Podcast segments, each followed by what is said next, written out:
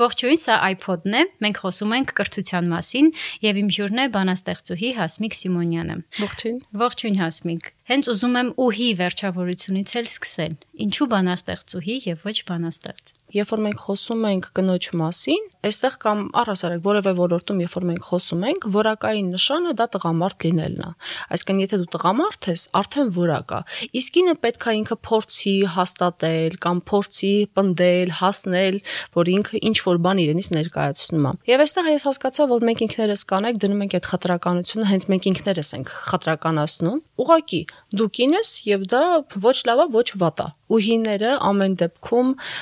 որպես կանոն այդ նշան են, որ դու այդքան էլ լավ մասնագետ չես։ Իսկ առասարակ գիտության մեջ, այլ ոլորտներում, եթե ուշադիր լինենք, դիցու գիտնականներ շատ միջակ գիտնական տղամարդիկ կան։ Բայց երբ որ կին են, կանայք, որpիսի այդ տարածքում հայտնվեն, իրենք պետքա շատ-շատ ավելին լինեն, որpիսի այդ շեմը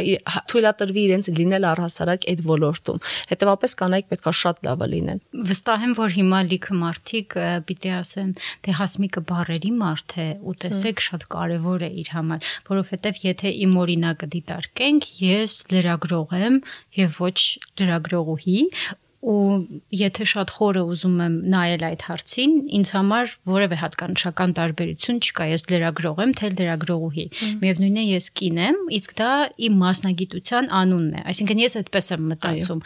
Բայց կարծում եմ, որ բանաստեղծուհի շատ բավական տարածված է, այսինքն Սիլվա Կապուտիկյանի դեպքում չեմ հիշում, որ ասեին բանաստեղծ։ Գրական դաշտում իրականում հատկապես ոչ մենակ ընդ որում հայկական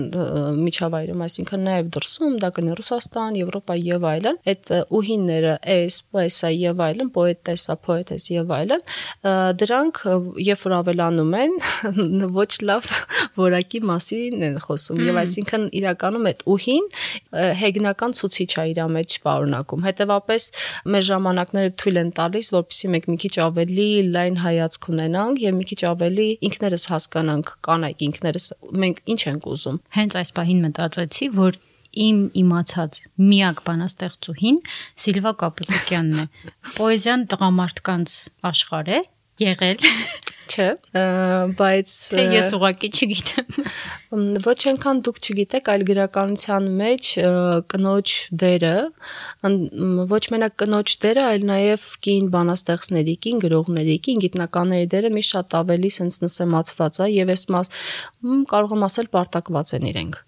Մենք շատ քչերին գիտենք եւ այն քանակով էլ որ գիտենք, Վիրջինիա Վոլֆը մի էսպիսի բան ասում, պատկերացրեք, որ ասում է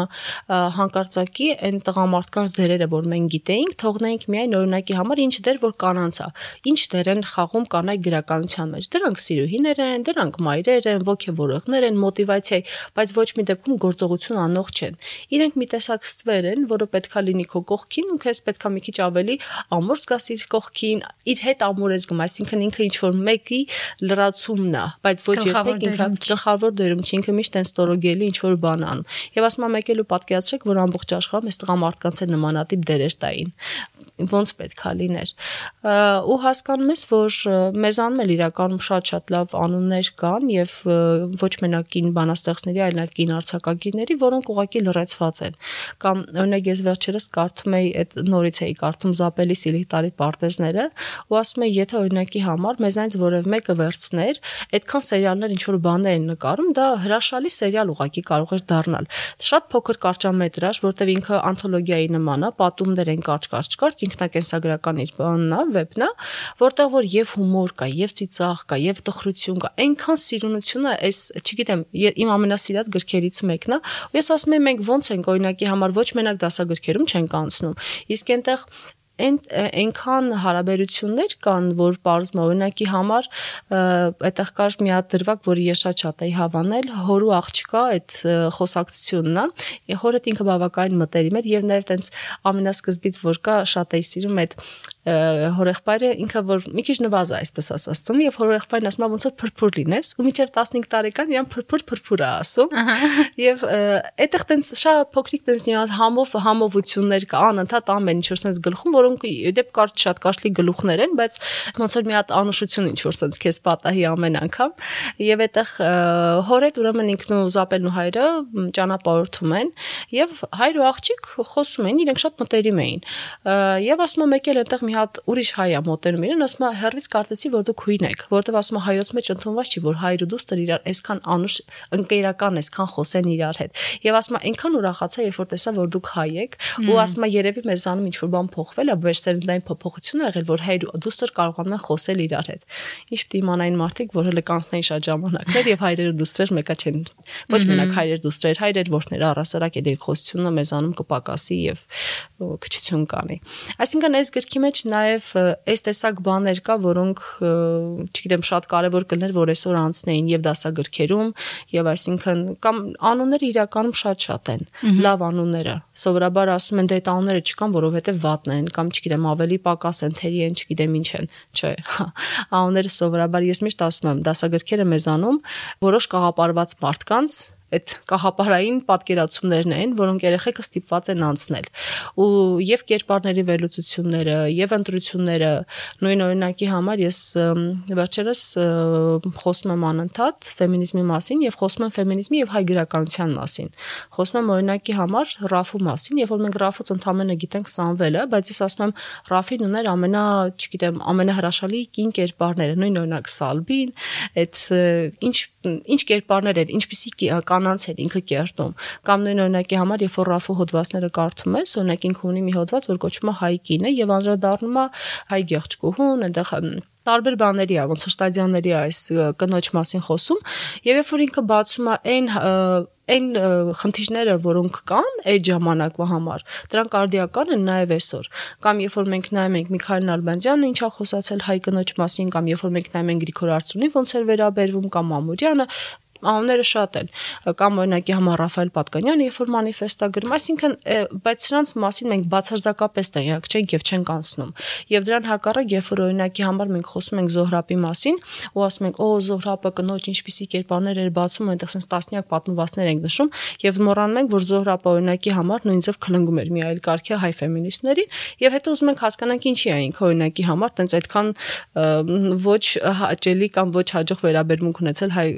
հայ կանանց նկատմամբ, մեկ էլ հասկանում ես օրինակի համար, երբ որ Տյուսաբը բանը խոսում էին, ինչ էին ասում, ասում են կինը պետք է աշխատի, կինը պետք է կրթություն ստանա, մեկ էլ մի քիչ գնում գնում ես, մեկ էլ հասկանում ես մի րոպե, Զորապի աղջիկը բանկում էր աշխատում, Զորապի կինը տենց ոնց որ թե ուզում էր բաժանվել, որտեղ այդտեղ խնդիրներ կան, եւ Զորապը երբ որ տանը չի կարողանում իր հարցերը լուծել, ինչ է անում, բնականաբար ինքը գնում է սկսում է քլնգել ում հայ կանանց, որոնք գրող էին։ Այսինքն սրանք փոքր sense նյուանսներ են, որոնք միջև չես իմանում,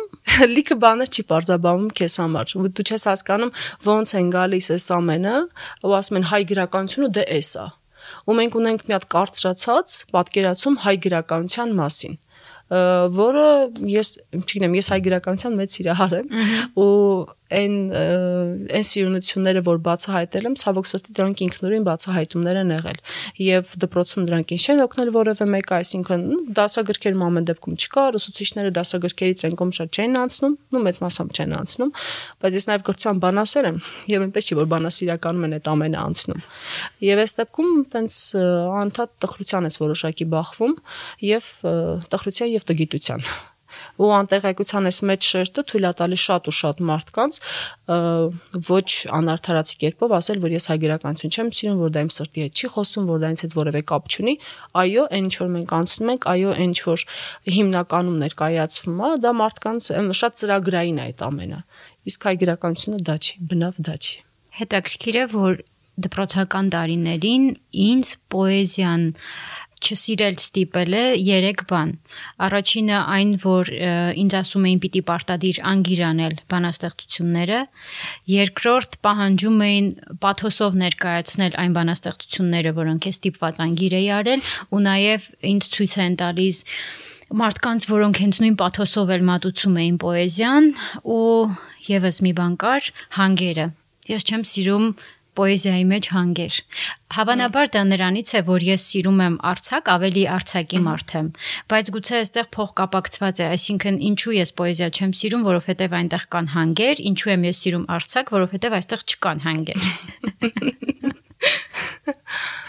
իրականում այդ շատ տարածված սխալ է ուսուցման մեթոդ որպես նկատի ունեմ, երբ որ երեխային ստիպում եմ որպեսի անգիր սովորի եւ կա այդպիսի մի հատ մետաֆոբիա կոչվում, այսինքն վախ բանաստեղծությունից ու դա այսպես է բացատրվում, երբ որ փոքր տարիքում երեխային ստիպում են անգիր սովորել, ես ինքս օրինակ շատ վատ անգիրներ եմ սովորում եւ անգիրներ պարզապես չեմ կարողանում հիշել, այսինքն հիշողություն չունեմ։ ստացվում։ Օրինակ ձեր բանաստեղծությունները։ Ես իսկապես չէ, ես նախ ես շատ երկար եմ գրում եւ դա մի քիչ դժվար է հիշել Ահա եւ այսպեսի մի հատ բան կա, թե օրինակի համար ոնց ամենասկզբից, երբ որ երեխան չի կարողանում անգիր սովորել, անցնում է մի որոշ ժամանակ, ինքը բնականաբար չի հաջողվում, ասենք դասանի առաջ անհաջողության է մատնվում, ինքը այսինքն սկսում է ատել բանաստեղծությանը, հետո ինչ որ մի տարիքում հասկանում է, որ սա հանդեպ պետք է լինի անտարբեր եւ արդեն ավելի մեծ տարիքում ինքը ասում է, ես բանաստեղծություն կամ պոեզիա առհասարակ չեմ կարդում, որովհետեւ որևէ դրական հուշ բան չունի պոեզիայի հետ կապված։ Եվ այստեղից էլ գալիս է այդ մետաֆոբիան, վախը, որը այտենց ավելի շուտ անտարբերության հետ ասոցացվում, այսինքն այն տարիքի հետ մենք լրացնում ենք ինչ որ վախեր, փորձում ենք հասկանալ այդ ինչա կամ չենք հասկանում, անտարբերության տակ թաղում են գնում է։ Գրականությունը ինձ համար եւ բանաստեղծությունը մասնավորաբար անգիրի հետ որևէ կապ չունի։ Ես օրինակի համար, երբ որ մի քիչ առաջ որ խոսում էինք միջև հաղորդումը Զարթոնք ակադեմիայի մասին էի պատմում Արցախում, այնտեղ առաջինը, երբ որ ես գնացի ու փորձեցի երեխաների հետ խոսել գրականության մասին, Ինձ համար հետեւյալն էր, որ մենք նստած ենք երեխաներով, այսինքն եւ մենք պետք է խոսենք։ Իսկ ինչ պետք է խոսենք։ Առաջին երբ որ կարդում են երեխեքա միշտ ասում են մի քանի բաներ։ Բոլորս ենք ասում. լավ է, վատ է, հետաքրքիր է, ասացի ստոպ։ Պարազիտ բառը չենք օգտագործում, որովհետեւ չի կարելի ասել լավ է, վատ է։ Դու պետք է բացատրես ինչն է լավ, ինչն է վատ, ինչն է հետաքրքիր։ Եվ կամած կամած դու սկսում ես մտածել Հետո մի հատ ուրիշ բան կա արդեն, դու սկսում ես ոչ մենակ մտածել, դու նաև փորձում ես այդ բառերի բառերով հասկանալ։ Ինչ է այդ բառանստեղծությունը, քանի որ բառանստեղծությունը բառերից է սարքած եւ այս բառերի տակել ինչ որ բաներ պետքա լինի։ Ես երեխեքի հետ երբ որ խոսում էի, մի քանի բաներ կար, որոնց հետ փորձում էի բացատրել։ Այդ շոշափելիության աստիճանն է բանաստեղծության հետ հատկապես։ Ոնց է ստեղծվում բանաստեղծությունը, ոնց է ստեղծվում հանգերը։ Ամենասկզբից մարդն որ քայլում է կամ վազում է, ռիթմական որոշակ որակի բանա չէ ստեղծվում։ Օրինակ իռլանդական բաներում տենց մեծ գավազաններ կան, որոնք երբ որ այն ժամանակ կարդացել են, տենց դղկացրել են գետնին։ Եվ այսպեսով փորձել են այդ ռիթմական որոշակի բան ստանալ։ Եվ նաև ուրիշ կերպ կա, թե ոնց են օրինակի համար այդ հանգերը, ձեր չսիրած հանգերը ստեղծվել։ Երբ որ օրինակի համար մենք հաշվարկում ենք մարդու շունչը, 1 րոպե միջքան է, ինքը մոտավորապես 180 մոտ է կանգնում եւ նաեւ սրտի աշխատանքը, երբ որ սկսում ենք հաշվարկել, դա էլ 120-ի 120-ա միջև լինում։ Եվ երբ որ այս շունչը եւ սրտի աշխատանքը մենք բաժանում ենք իրար, ստանում ենք մոտավորապես հետեւյալ թվերը. 2, 4, 6, 3 եւ այլն։ Այս թվերը դրանք են հանգերն է, 2-ը յամբն է, 3-ը անապես տա, չէ՞, մի խոսքով։ Այսինքն եւ այդ շատ մարմնական է եւ շատ շոշափելի է այդ հանգերը ոնց են ստեղծվել եւ իրանք ոնց պետքա լինեն։ Եվ մի հատ ուրիշ բան էլ, երբ որ ես խոսում եմ, թե ինչի մասին պետքա լինի բանաստեղծությունը, այդ հանգերը հլիմիկում, ես միշտ առաջարկում եմ ասով ձեզ էլ հիմա ասեմ, մատը օրինակ ցույց տվեք ինձ։ Ահա։ Հիմա մատով ցույց տվեք մեր աշխատակցին, հիմա մատով ցույց տվեք ձեզ նայեք մատով երբ որ ցույց տվեցիք սրտին ցույց տվեցիք մենք միշտ երբ որ ցույց ենք տալիս մեր մասին մենք միշտ սիրտն ենք սեղմում երբ որ ինչ որ մի բան մեր տեղը ցավում ասում է ստեղս ցավում է այդ ստեղը միշտ սիրտն է այսինքն սովորաբար եսը սիրտն է եսի պատմությունն է բանաստեղծությունը։ Եվ ես երեխեքին առաջարկում եմ ասում խոսել եսի մասին։ Եվ այդ եսի մասին, երբ որ դու խոսում ես, ինքը շատերի մասին է։ Դու քո քո մասնավոր դեպքն ես պատմում։ Նայեք դուք անդադ խոսում եք այդ մեղուներ բաղ աղջկա մասին, որի մասնավոր իմ եւ իմ մոր, իմ ընտանիքի նեղ փոքր պատմությունն է։ Բայց դա շատերի համար է այդ սրտին դիպող։ Այն Խաչատուր Աբովյան ասում ճունքի սրտի բաներ են։ Այսինքն, երբ որ մենք խոսում ենք սրտից, երբ որ մենք խոսում ենք եսից, այս եսը մեկ էլ դառնում է շատ ավելի տենց շատերի համար է դառնում։ Այդ Մայկովսկին տես մի հատ բան, Լիլիա Բրիկին նամակա գրում, ասում է ես տենց լրիվ ոնց որ համատարած սիրտ լինեմ։ Այդ բանաստեղծին ունի այդ համատարած սիրտ դառնալու այդ միտումը։ Եվ եթե օրինակի համար արցակի դեպքում ասում է արցակը ընդամենը ոնց որ դեպքերի նկարագրությունն է, բանաստեղծությունը ինքնին դեպք է արդեն մեզ պատահած։ Եվ այս երեխեքի հետ օրինակ երբ որ խոսում էի Արցախում արդեն այն ստեղծագրողների խմբի հետ, ես ինձ առաջարկում էի սովորել պատմել սովորել խոսել, սովորել պատմություններ պատմել։ Արցակի եւ բանաստեղծության եզրերը լրիվ քանդվել են եւ իրանք բավականին միախառնված են։ Եվ եթե մի ժամանակ Արցակը ուներ օրինակ սյուժետիկ որոշակի գծեր, այսօր բանաստեղծությունը ինքը ունի նաեւ այդ սյուժետիկ տարը, այսինքն ինքը շատ ավելի ճկուն է դարձել եւ այնտեղ շատ ավելի բաներ կարող են լինել։ Ես երկու բան եմ միշտ խոսում, ասում եմ պետքա ուրեմն աշխատել եւ պետքա ուրեմն միշտ հոգնել եւ ձանձրանալ։ Եվ այդ երկու բառը փորձում եմ բացատրել։ Հոգնել բառը հոգնակի բառից է բաղկացած, այսինքն դու պիտի շատ բան անես, որ հոգնես։ Բայց նաեւ ինքը մյուս իմաստը օրինակ հոգսն է։ Իսկ հոգս բառի սանսկրիտ իմաստով սանսկրիտ բառի հոգին է որ դեպքում է հոգին։ Այս հոգին թարգմանվում է իբրև կամք, իբրև ջիղ, իբրև կյանք։ Այսինքն դու պետքա շատ կամքներ դնես, դու պետքա շատ բան անես, որպեսզի հոգնությունը քեզ իբրև ապարքև տրվի։ Եվ այս երեխեքին միշտ թա խորհուրդ էի տալիս, ասում էի հոգնեք։ Ցանկալի է որ մենք հոգնենք, այսինքն հոգնությունը մեզ բոլորից իբրև ապարքև տրվի։ Իսկ մյուսը, երբ որ ես խոսում էի ձանձրանալու մասին, մենք սովորաբար ձանձրույթին վերաբերում ենք շատ վատ իմաստով։ Ինչ է նշանակում ձանձրանալ, բայց օրինակի համար վիկտորինական Անգլիայում կամ օրինակ ուրիշ Լյուդովիկոս 14-րդի եւ այլն, այսինքն այդ ֆրանսիական արքունիքում ձանձրանալու իրավունքները ընդամենը մի հոգի, թակավորը, որովհետեւ մյուսները պետքա մշտապես ուրախ լինեին, մշտապես պետքա ինչ-որ մի բան անեին, բայց ահա այս ձանձրույթը համարվում էր ստեղծարար ինչ-որ մի բան։ Դու ձանձրանում ես, դու որոշակի տարածք ես ստեղծում, պարապ ինչ-որ մի բան ես ստեղծում եւ այդ պարապությունը ստեղծարար է։ Այսինքն դու քեզ թույլ ես տալիս այդ տարածք ունենալ, որտեղ երբ որ մենք սովորաբար անընդհատ ինչ-որ մի բան անում ենք, նկատած կնեք, օրինակի համար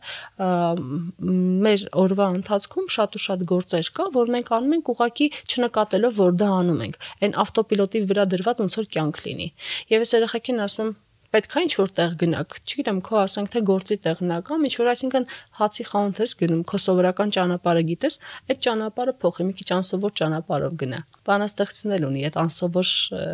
բաները, ճանապարհները, այսինքն հəl դու մի քիչ անսովոր ճանապարհով ես գնում, մի քիչ այսինքն հայացքդ փոխվում մի քիչ ուրիշ բանի ես մոտենում։ Եվ ձանձրանալը այս իմաստով թույլ տալ քեզ ձանձրանալ, թույլ տալ քեզ քո մեջ ստեղծել պարապ տարածքներ եւ այս պարապ տարածքները քեզ ոնց ստեղծարարության, չգիտեմ, ավելի ստեղծագործական ինչ որ բաների կհասցնեն։ Դուք խոսեցիք վեհության մասին։ Ես չգիտեմ բանաստեղծները եթե իմանային, որ դուք Միկադոյի բաղադրատ տոմս, ոտ, մեծ ոտնաթաթ, մեղում բարերով մի բանաստեղծություն, որ մարդիկ շատ կսիրեն, իրենք ինչպես դրան կվերաբերեն, բայց ես կարծում եմ, որ կոնկրետ ես սիրեցի այդ բանաստեղծությունը հենց այն պատճառով, որ ինձ համար դա լավագույն ձևներ մոր ու աղջկա հենց ոչ թե տղայի, այլ հենց աղջկա հարաբերությունները նկարագրելու ու քանի որ ես վեհ պոեզիան չեմ սիրում, այսինքն ինձ համար հայ գրականության մեջ պոեզիան ասոցացվում է հայրենիք, մայր, տանջված սեր բարերի հետ։ Ես ուզում եմ պատկերացնել էլ ինչի մասին եմ ես կարդացել։ Այդ ձեր դասագրքային պատկերացումները, դասագրքային պատկերացումներ, այո, միայն դասագրքային պատկերացումների մասին եմ խոսում։ Եվ դուք գրում եք շատ կենցաղային, թվում է թե կենցաղային թեմայի մասին մի ընթերցող ունեմ իմ մեջ, այդ ես ասում եմ, եթե ես ծնվեմ իբրև շատ ժամանակ հետո գամ իբրև Հասմիկ Սիմոնյան ընթերցող ու կարդամ, ինձ կհավանեմ թե չեմ հավանի։ Ինձ համար շատ կարևոր մի հատ բան կա, այն որ ասում է դու ընդհանրապես այս կյանքում երկու հոգու առաջ ես պատասխանատու։ Եվ այդ երկու հոգին ոչ քո ընտանիքի անդամներն են, ոչ քո ամուսինն է, ոչ քո սիրեկանն է, ոչ մեկը։ Այդ մեկը դու ես 8 տարեկանում եւ մյուսը դու ես էլի 80 տարեկանում։ Եվ եթե դու իրենց արդարացնում ես քո ապրելակերպը, ամեն ինչ լավ է։ Ես միշտ ինձ համար այդ նաև գրելու համար, այսինքն գուցե մի քիչ մեծամետ է, բայց ես իսկապես ոչ մեկի նկատի չունեմ գրելուց։ Ինձ համար շատ կարևոր է ինքս ինձ հետո ես ինձ առաջին հերթին ոչ թե գրող եմ համարում, այլ ընթերցող ես կարծում եմ, որ ես լավ ընթերցող եմ եւ այս դեպքում դու գրելուց նաեւ պետքա նկատի ունենաս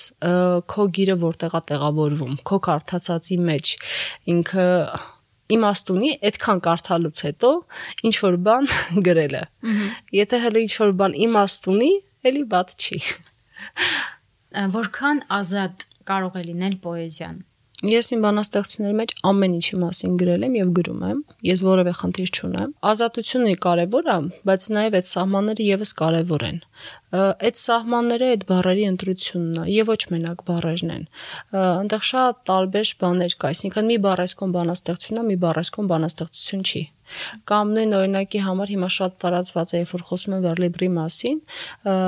մարդիկ մեծ մասը չգիտեն հատածները որտեղ են։ Հատածը, այսինքն բանաստեղծությունը որտեղ է վերջանում։ Օրինակ հանգերով, վանգերով բանաստեղծության параգրաֆն ինքը շատ հստակ է։ Դուք ասում ես հանգեր, այսինքն բանաստեղծության այդ վերջավորությունները որոշակի վանգերով չափերը հաշվում ես, ոնց որ թե parz է, էլի որտեղ պետք է վերջանա, որտեղ պետք է սկսվի, իդեալական է, հեշտ է։ Որպեսի գրես վերլիբր, այդտեղ շատ ավելի գիտելիք է պահանջվում եւ շատ ավելի քիչ ինտելեկտուալ բաներ կա։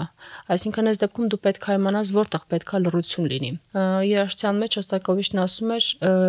պաուզան եւս երաժշտություն է։ Նույն բանը գրականության մեջ է։ Եթե դու ինչ-որ միտեղ լրություն ես դնում, այսինքն փոխում ես հաջորդ տող ես ստանում, այդ լրությունը եւս կարեւոր է։ Եվ նաեւ դու պետք է իմանաս թե ինչ բառերի ես հանդիպացնում իրար։ Էս միչև այս բաները մենք չենք սովորում։ Հիմա երբեմն տենց կան, տենց մի հատ նախադասություն վերցնում են, ամեն տող մի բառ են գրում կամ երկու բառ են գրում, ասում են ավերլիբրա։ Չէ, այդ վերլիբր չի, տանտեսակությունը եւ տգիտությունն է իրականում։ Բայց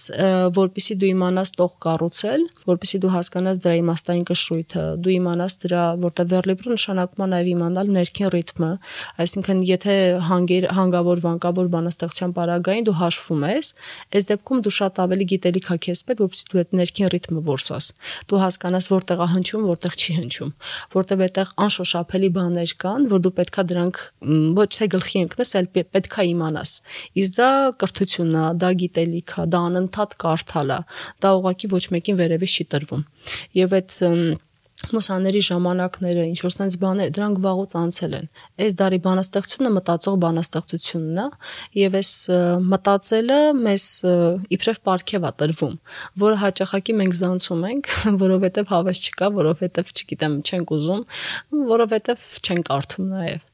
իսկ կարդալու դեպքում այնտեղ լիքը բաներ առաջ է գալիս, լիքը դժվարություններ ու սիրուն դժվարություններ են դրանք իհարկե բանաստեղծության դեպքում։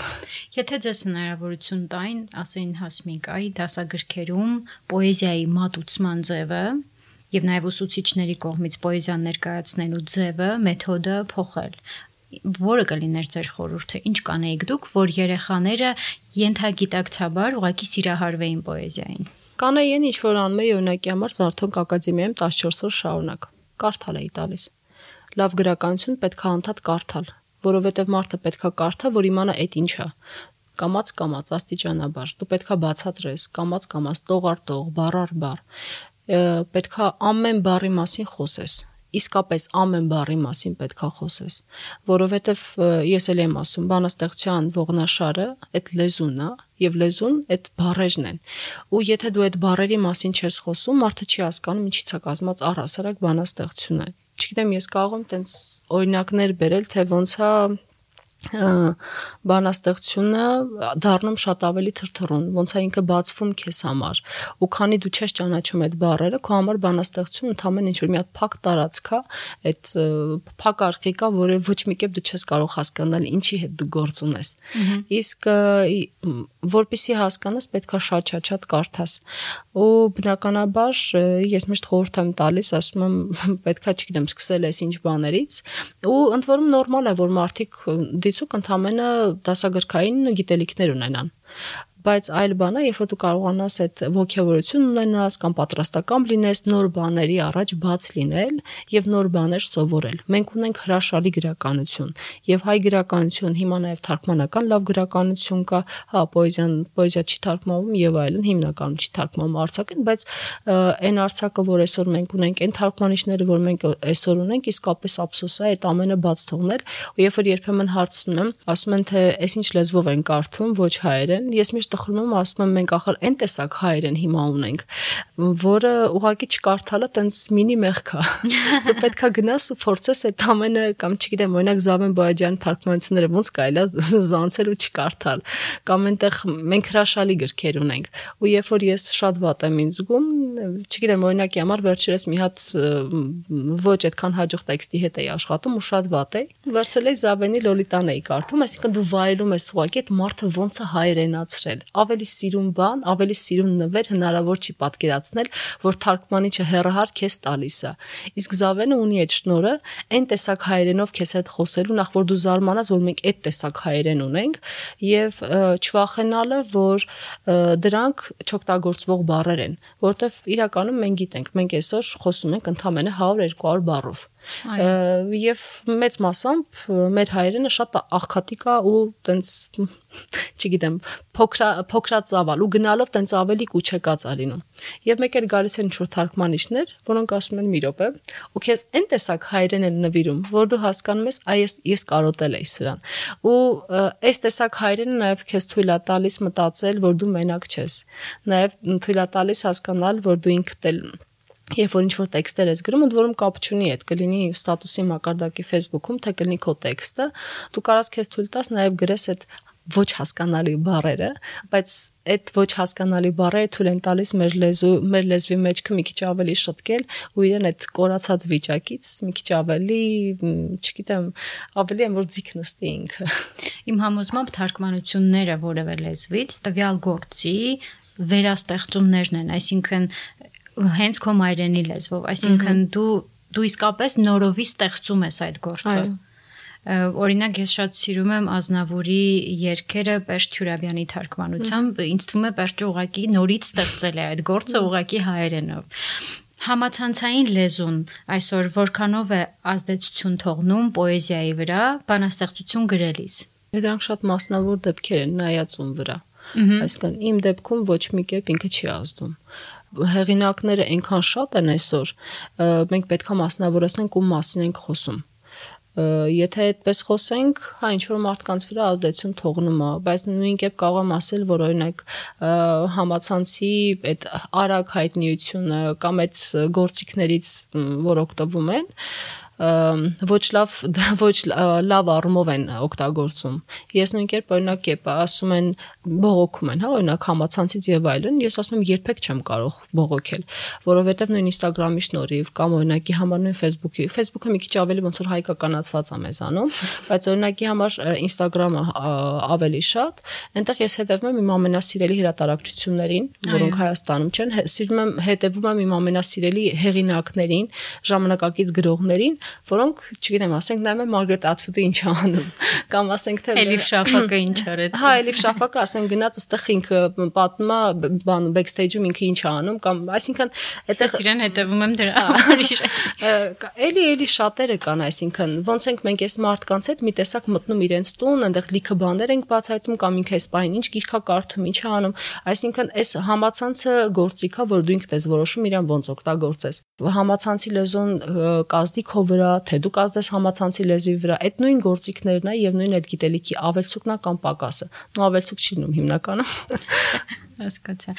Արդյոք արվեստը կարողանում է ժամանակակից տարում բարձրաձայնել սոցիալական խնդիրների մասին մասնավորապես։ Պոեզիան կարողանում է դա անել եւ ձեր պոեզիան, ինչ խոսենք ուրիշներից։ Արդյոք դուք փորձում եք բարձրաձայնել խնդիրների մասին, որոնք դիցուկ հուզում են կամ ձեզ, կամ հասարակությանը, կամ քիչ թվով մարդկանց, բայց դրանք կարեւոր են։ Հա, որովհետև պոեզիան աշխարհի հետ հարաբերվելու իմ կերպն է եւ բնականաբար ես, չգիտեմ, աշխարհին հպվում եմ բառերով։ Եվ եթե ես ինձ ինչ որ բան հուզում է, իսկ ինչ շատ բան հուզում, բնականաբար դա հայտնվում է բանաստեղծության մեջ։ Այլ հարցը, թե երբ որ քեզնից օրինակի համար մեզանում դեռևս այն սովետական մտայնությունը կա, երբ որ արվեստագետը կամ ինչ որ մտավորական մարդուն պատկերացնում են մեկը, որ պետքա այտենց ճառեր ասի, խրատատու կարդա իրենց համար եւ արագ ինչ որ բաներ են պահանջում։ Այլ դրա հետ ես որևէ կերպ համաձայն չեմ, այսինքն ես այո անդրադառնում եմ տարատեսակ խնդիրների, բայց բայց այլ հարցը թե դրանք երբ կհրապարակեմ։ Հա, բաներ կա, որ հրապարակում եմ, բաներ կա, որոնք ես հասկանում եմ դեռ մշակելու, աշխատելու խնդիր կա, որովհետև դա լրագրողական տեքստ չի, որ շատ արագ էս պահին լուրի նման, այսինքն 5 վայրկյան հետո դու արդեն իրան հրապարակես։ Գրական տեքստը կամ այսինքն մշակութային տեքստերը, դրանք երկար, երկար, երկար ժամանակ է պահանջում ստեղծվելու համար եւ որակային կամ գոնե ինքդ քեզ բավարարի կամ գոհացնի։ Ես այդ առումով շատ դանդաղ մարդ եմ եւ սիրում եմ երկար բարակ աշխատել ու այս դանդաղությունը ինձ թույլ է տալիս ստանալ տեքստեր, որոնք քիչ թե շատ գոնե ինձ բավարարում են Էս է հարցը, որ ես նաև եմ որ ասում եք, արդյոք ինչ որ մեկի համար եք գրում։ Եթե ինչ որ մեկի համար ես գրեի, հավանաբար շատ արագ կարձագանքեի։